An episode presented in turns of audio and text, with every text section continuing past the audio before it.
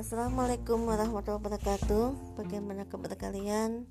Ibu harapkan semuanya dalam keadaan sehat walafiat Dan tetap memiliki semangat untuk belajar Meskipun kita masih belajar daring Hari ini ibu akan menjelaskan materi Bab terakhir untuk PUB ya. Jadi PUB nya 4 bab kalian Perang dunia respon bangsa Indonesia terhadap imperialisme dan kolonialisme, akar-akar nasionalisme di Indonesia, dan ini yang terakhir adalah tentang akar-akar demokrasi di Indonesia. Demokrasi berawal dari kata demos dan kratos yang memiliki makna pemerintahan dari rakyat Nah, sebelum ibu lanjut, apa itu bentuk pemerintahan dari rakyat? Ibu tak lupa mengingatkan 5M kalian ya. Karena kita masih di tengah pandemi corona ini. Satu, selalu mencuci tangan. Dua, menjaga jarak. Tiga, eh, menggunakan masker.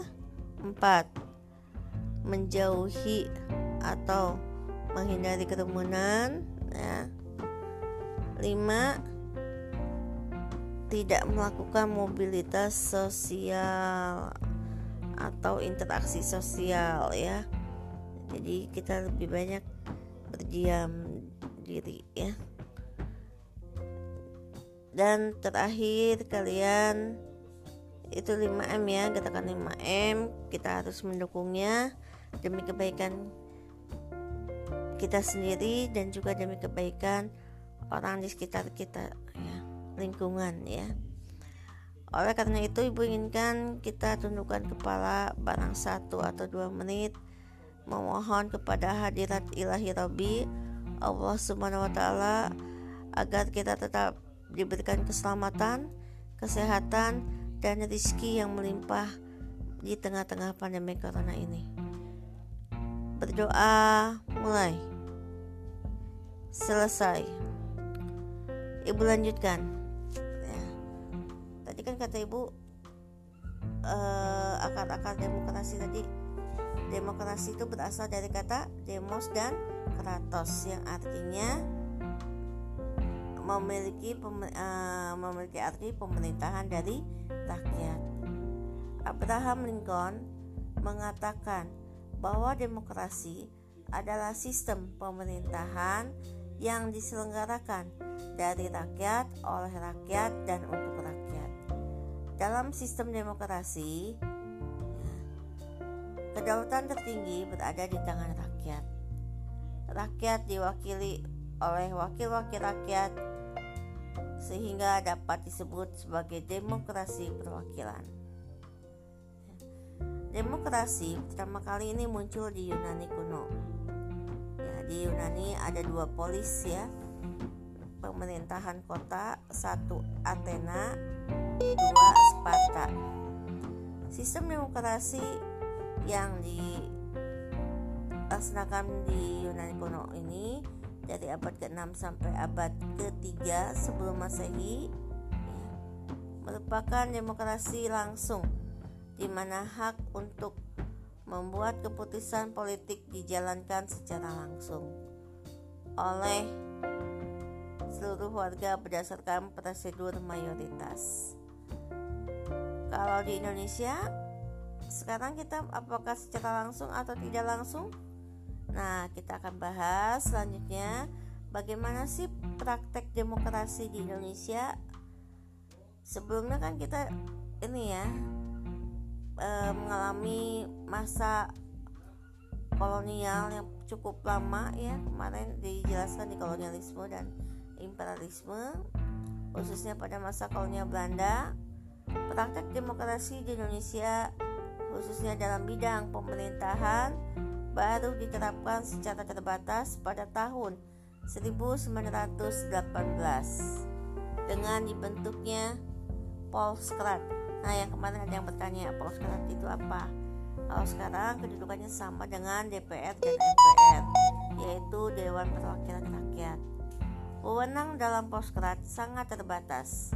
Keanggotaan Poskrat pun didasarkan pada penunjukan Gubernur Jenderal, bukan atas pilihan rakyat.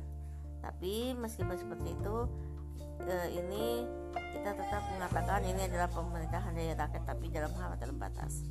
Keanggotaan Poskrat banyak didominasi oleh wakil-wakil dari bangsa Eropa. Nah, walaupun penduduk pribumi juga dilibatkan, tapi hanya sedikit ya pada saat itu. Poskrat sengaja didirikan bukan sebagai parlemen perwakilan rakyat Indonesia, melainkan hanya sebagai penasehat. Gubernur Jenderal Hindia Belanda ya, pada saat itu ya beberapa aktivis pergerakan nasional memanfaatkan Poskrat sebagai wadah perjuangan untuk membela kepentingan rakyat dan untuk memperjuangkan kemerdekaan Indonesia. Bahkan salah satu organisasi dari Indonesia, Pergerakan Nasional yang berhaluan kooperatif membentuk satu kesatuan aksi ya, di Poskrat yang disebut dengan Fraksi Nasional yang didirikan pada tanggal 27 Januari 1930. Ya. Fraksi Nasional ini berasal idenya itu adalah berasal dari Muhammad Husni Tamrin, ketua perkumpulan kaum Betawi. Pada tanggal 15 Juli 1936 diajukan sebuah petisi yang dinamakan petisi Suharjo ya, yang isinya mengusulkan kemerdekaan bagi Indonesia tapi namun petisi ini ya ditolak oleh pemerintah Belanda. Dalam poskrat praktek demokrasi yang dikembangkan oleh Sutarjo ya yang namanya petisi Sutarjo ya Muhammad Tamrin dan kawan-kawan mampu mendorong perkembangan demokrasi di Indonesia menjelang runtuhnya pemerintahan Hindia Belanda. Beralihnya kekuasaan dari Belanda ke Jepang menyebabkan bangsa Indonesia sulit mengembangkan pemikiran maupun praktek de demokrasi. Jadi ibu pertegas kembali demokrasi ini ya eh, prakteknya pada masa kolonial Belanda itu adanya di mana pemerintah Belanda membentuk yang namanya Polskrat atau Dewan Perwakilan. Namun di dalam Dewan Perwakilan ini mayoritas diwakili oleh orang-orang Eropa. Kalau orang Indonesia-nya hanya sedikit ya sehingga nanti dan di sini berfungsinya bukan sebagai dewan perwakilan rakyat tapi dia hanya sebagai penasehat. Namun di satu sisi meskipun bangsa Indonesia berjumlahnya sedikit kemudian terbatas tapi bangsa Indonesia tetap memanfaatkan apa pun itu namanya e, wadah yang di, yang diinginkan oleh pemerintah kolonial Belanda ya terbukti dengan adanya petisi Sutarjo ya. Yang di mana petisi Sutarjo ini dikemukakan oleh Sutarjo yang isinya ya, mem, apa meminta ya untuk dibentuknya uh, apa perwakilan rakyat untuk bangsa Indo Indonesia ya. Nah, kemudian di ini apa rakyat Indonesia juga membentuk yang namanya fraksi nasional ya yang dipimpin oleh Muhammad Husni Tamrin ya ibu ingatkan kembali ya petisi Sutarjo ini yang isinya adalah uh, dalam poskrat praktek ya apa di sini menolak uh, apa bukan menolak ya di sini tadi petisi Sutarjo itu e, meminta kemerdekaan bagi bangsa Indonesia ya. Ketika mereka berada di Dewan Perwakilan Rakyat tapi ini kan ditolak ya. Kemudian uh, apa tadi ibu mengatakan meskipun kita ditolak di ini tapi kita tetap berjuang melalui wadah Poskrat ini dia apa sehingga dibentuklah yang namanya fraksi nasional fraksi nasional yang dipimpin oleh Muhammad Husni Tamrin. Selanjutnya, salah satu tonggak demokrasi di Indonesia muncul pada Kongres Pemuda yang kedua membuahkan hasil kesepakatan seluruh komponen pemuda Indonesia yang menyatakan ya untuk bersatu yang dikenal dengan nama Sumpah Pemuda. Masih ingat isi Sumpah Pemuda? Ayo. Nah, nanti tugas kalian ya di sesi 2 Ibu inginkan kalian menulis uh, isi atau ikrar dari Sumpah Pemuda secara lengkap apa sih Bu itu e, Sumpah Pemuda? Sumpah Pemuda adalah salah satu ya, kejadian yang penting dalam pergerakan untuk kemerdekaan bangsa Indonesia. Sumpah atau ikrar sejumlah pemuda inilah yang menjadi penyemangat bangsa Indonesia untuk mencapai negara Indonesia yang merdeka.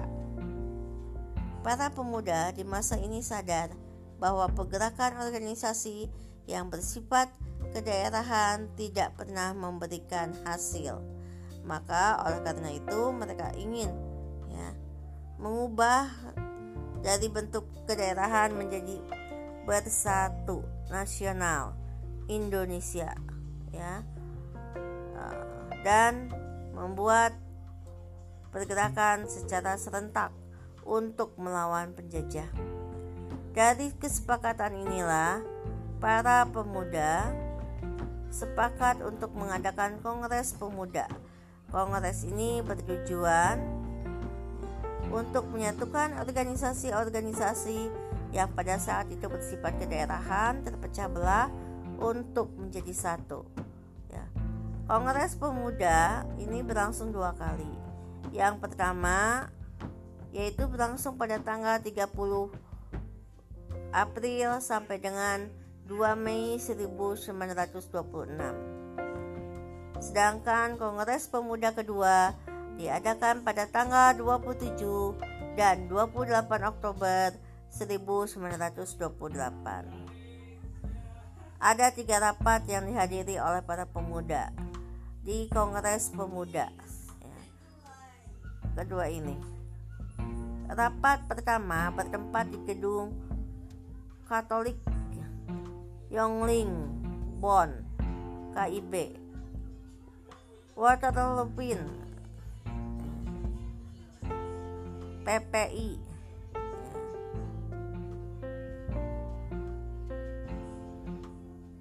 Uh, maaf tadi yang pertama ini di gedung Katolik.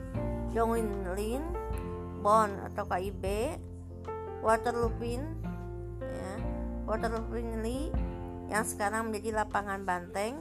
Pada hari Sabtu tanggal 27 Oktober 1928. Rapat dibuka oleh ketua ya, PPPI yaitu yang bernama Sugondo Joyo Puspito. Dalam sambutannya, Sugondo mengatakan bahwa ia ya, sangat mengharapkan kongres ini bisa memperkuat semangat persatuan yang ada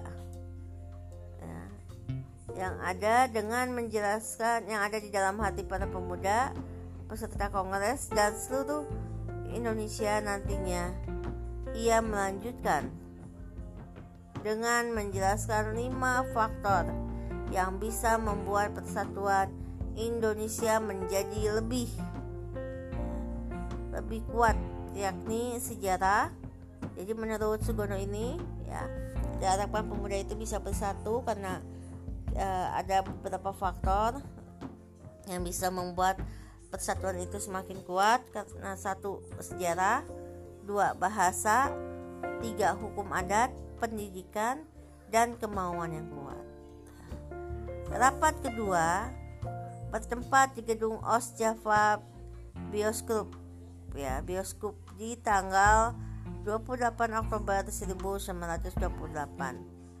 Rapat kedua ini banyak membahas seputar pendidikan. Di hari kedua ini ya Purnomo Purnomo Wulan ya Purnomo Wulan dan Sarmidi Mangun Saskoro ya jadi ibu inginkan ini ada dua orang Purnomo Wulan ya dengan Sarmidi Mangun Sarkoro ya kedua pembicara ini ya, memiliki pendapat bahwa anak-anak harus mendapat pendidikan kebangsaan. Selain itu, mereka juga mengetengahkan pentingnya keseimbangan antara pendidikan sekolah dan pendidikan di rumah. Rapat ketiga sekaligus menutup kongres ya, mengambil tempat di gedung Indonesis ya. Club Geboy di Jalan Keramat Raya 106. Di sini Sunario yang menjadi pembicara. Jadi kongres kedua ini ada tiga kali rapat ya, memberikan penjelasan akan pentingnya nasionalisme dan demokrasi, mengiringi gerakan kepanduan. Ramelan yang ikut menjadi pembicara di rapat ketiga ini mengatakan bahwa gerakan kepanduan tidak boleh dipisahkan dari pergerakan nasional. Gerakan kepat kepanduan yang ditanamkan sejak dini pada anak-anak bisa mendidik mereka untuk menjadi disiplin dan mandiri yang di mana kedua hal ini sangatlah dibutuhkan dalam perjuangan menuju kemerdekaan. Nah itu ya. Jadi ada tiga rapat yang dihadiri oleh para pemuda di Kongres pemuda kedua. Pak ini ya. Selanjutnya nanti tentang bentuk-bentuk demokrasinya ya. Ibu akan ulas nanti di ini ya di sesi 2 kita akan bahas ya. Jadi nanti kalian sampai dengan akar-akar nasionalisme di Indonesia itu sampai nanti perkembangannya kalau yang tadi itu hanya uh, apa di sesi satu ini tentang awal mula adanya pemerintahan demokrasi. Ya dan bagaimana kelanjutannya perkembangannya nanti akan ibu bahas di sesi kedua. Terima kasih. Assalamualaikum warahmatullahi wabarakatuh